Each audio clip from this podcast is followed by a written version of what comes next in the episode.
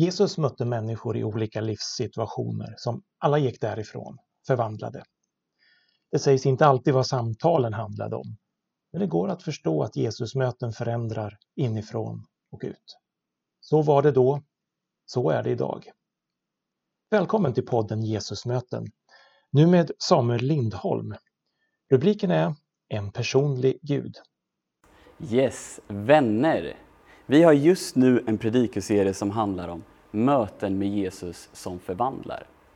Och idag så kommer vi läsa lite om Sackeus, tullindrivaren, syndaren och mannen utan tillhörighet. Vi läser från Lukas evangeliet kapitel 19, vers 1 till 10. Jesus kom in i Jeriko och vandrade genom staden. Där fanns en man som hette Sackeus. Han var förman vid tullen och han var rik. Han ville se vem Jesus var, men han kunde inte för folkets skull eftersom han var liten till växten. Då sprang han i förväg och klättrade upp i ett mullbärsfikonträd för att se honom eftersom Jesus skulle komma den vägen. När Jesus kom till det stället såg han upp och sa till honom Sackeus, skynda dig ner, för idag måste jag gästa ditt hem. Sackeus skyndade sig ner och tog emot honom med glädje. Alla som såg det mumlade förargat. Han tog in hos en syndare. Men Sackeus stod där och sa till Herren, hälften av det jag har, Herre, det ger jag till de fattiga. Och har jag lurat någon på något betalar jag fyrdubbelt igen. Jesus sa till honom, idag har frälsningen kommit till det här huset. För också han är en Abrahams son. Människosonen har kommit för att söka upp och frälsa det som var förlorat. Undra hur det måste känns att vara i Sackeus skor. Undra hur det var att vara en tullindrivare. Jag menar, det måste varit lite som att sälja eller ge upp sin tillhörighet. Jag menar, först och främst så tjänade du pengar genom att lura de som var ditt folk, din släkt, din familj. Och inte nog med det, de som du arbetade för. Jag menar, det var ju romarna. Det var motståndarna. Det var de som hade krigat och plundrat och tagit in i ett land. Och som vi förstår av detta så var Sackeus inte en jättetrevlig människa. Han gjorde sina felaktiga grejer och kanske inte direkt var den personen som vi ens skulle vilja synas med eller umgås med idag.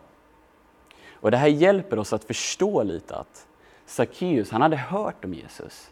Han ville se vem Jesus var. Men han visste att det han gjorde var fel.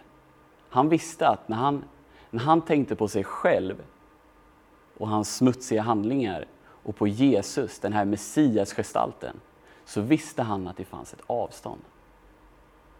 Sackeus ville se Jesus, men han såg till att hålla sig på avstånd. För då som den syndaren han var så, skulle han aldrig kunna föreställa sig att den här Jesus, likt alla andra i hans liv, faktiskt skulle vilja ha någonting med honom att göra. Men som en sista droppe av hans sista värdighet så klättrar han upp i det här mullbärsfikonträdet. Jag kan bara föreställa mig vilken syn det måste vara. Folk som skrattade åt honom, folk som hånade honom.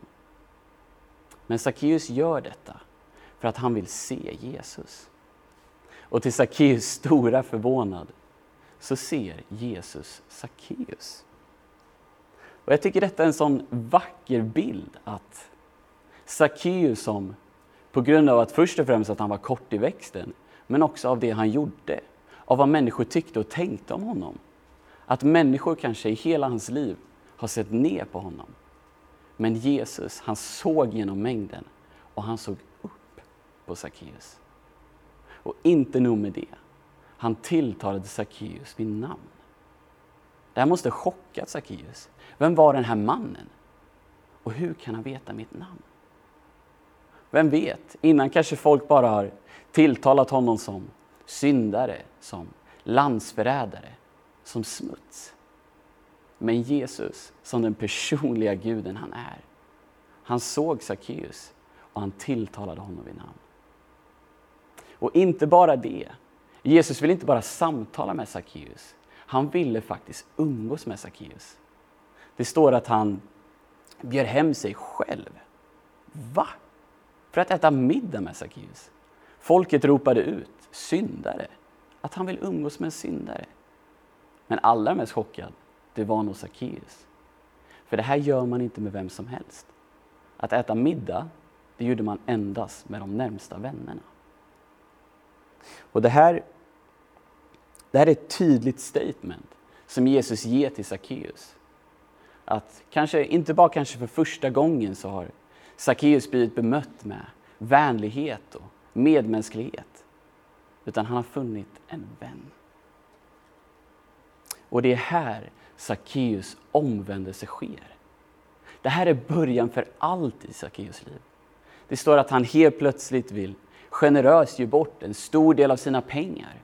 Det står att de här människorna som han har lurat vill han betala tillbaka fyrdubbelt. Det står att han vill ta emot Jesus. Han vill bli frälst. Och det fascinerande med den här grejen, det var att Bibeln säger ingenting om vad Jesus sa, om vad de pratade om under måltiden, eller vad som egentligen ledde fram till den här omvändelsen. Utan det var mötet, inte ord, som förvandlade Sackeus. Det var mötet med en kärleksfull, en varm, levande och nära Gud. Det var inte fördömelse. Det var inte någon som pekade finger. Utan det var en Gud och en vän som såg honom i ögonen.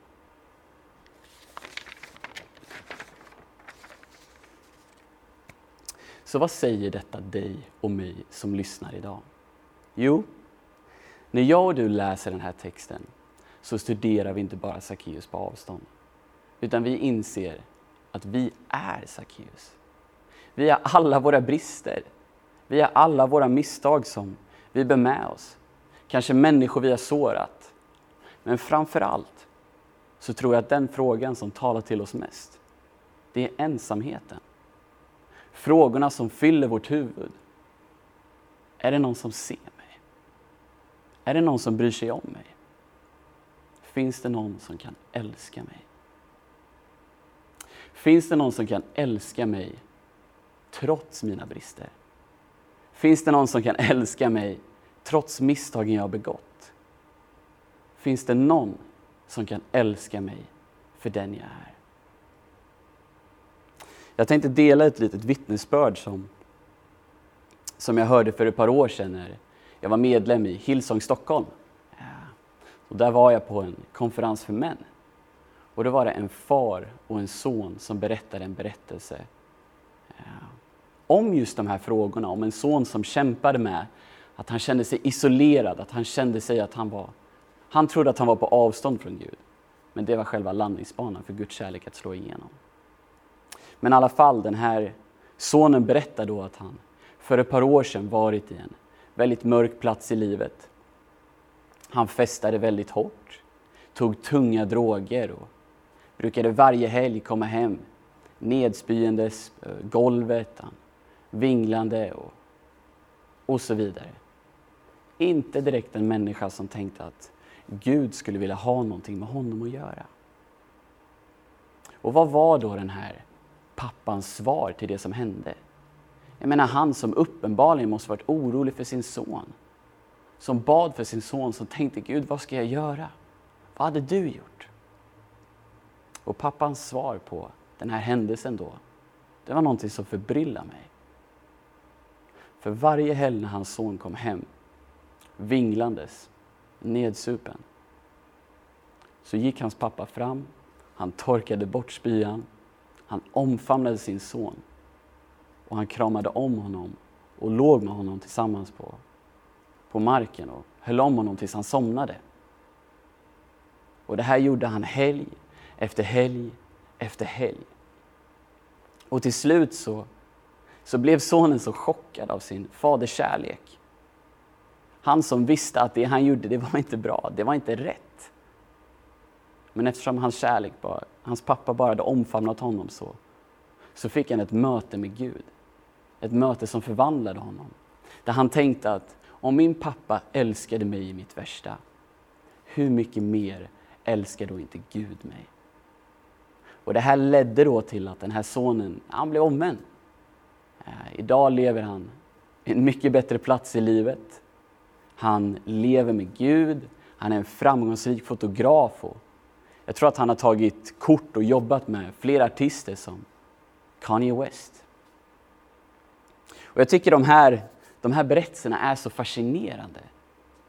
Både Sackeus och den här sonen är båda människor som kanske gjorde en del grejer som inte var bra. Som tänkte att det de höll på med isolerade dem och avstängde dem från Gud. Men där Guds kärlek fick tränga igenom och förvandla deras liv. Kära vänner, Gud är inte rädd för synden i ditt liv. Gud är inte bekymrad över vilka rykten som går om dig eller vad människor tycker och tänker om dig. Och jag säger självklart inte att Gud tycker att allt vi gör är okej. Okay. Jag menar i båda berättelserna om Sackeus och den här sonen så omvände de ju sig och de, poängen var att de fastnade inte där de var. Men det är så lätt att för, precis som Sackeus, att hans synd och otillräcklighet var någonting han tänkte borde isolera honom från Gud. Jag har hört det sagt så här att Gud avskyr synden, men han älskar syndaren. Och vänner, det är aldrig Gud som distanserar sig från dig eller mig. Utan så ofta så är det vi, ur vår egen skam, som bygger den muren. Som avslut så vill jag bjuda in dig som lyssnar idag. Jag vill bjuda in dig som kanske är som Sackeus, någon som har hört om Jesus.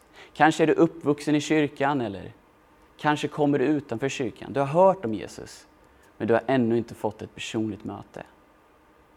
När du ser på dig själv, när du tänker på sakerna du har gjort och tänker att nej men Gud skulle aldrig vilja ha någonting med mig att göra.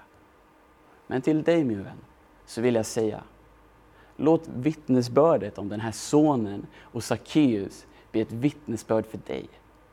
Att Gud vill ha med dig att göra. I Romarbrevet kapitel 8, vers 38 så berättar Paulus om att varken änglar eller furstar, liv eller död, inget kan separera oss från Guds kärlek. Så kanske är detta dagen där du får en middagsgäst, en vän som förvandlar ditt liv. Men jag vill också tala till dig som kanske är i 50-80 års åldern. Du som har levt ett fantastiskt liv med Gud, med sina ups and downs. Men som kanske på senare år har känt lite att man har blivit precis som Sackeus, en i folkmassan, en i kyrkbänken. Till dig så vill jag säga, Gud ser dig. Gud älskar dig. Och det finns så mycket mer för dig. Så kära vänner, låt den här sommaren bli en sommar fylld av möten med en levande Gud. Tack så mycket. Du har lyssnat till en predikan av Samuel Lindholm från kyrkan i Örebro. I nästa avsnitt, mycket förlåtelse, mycket kärlek med Samuel Levinsson.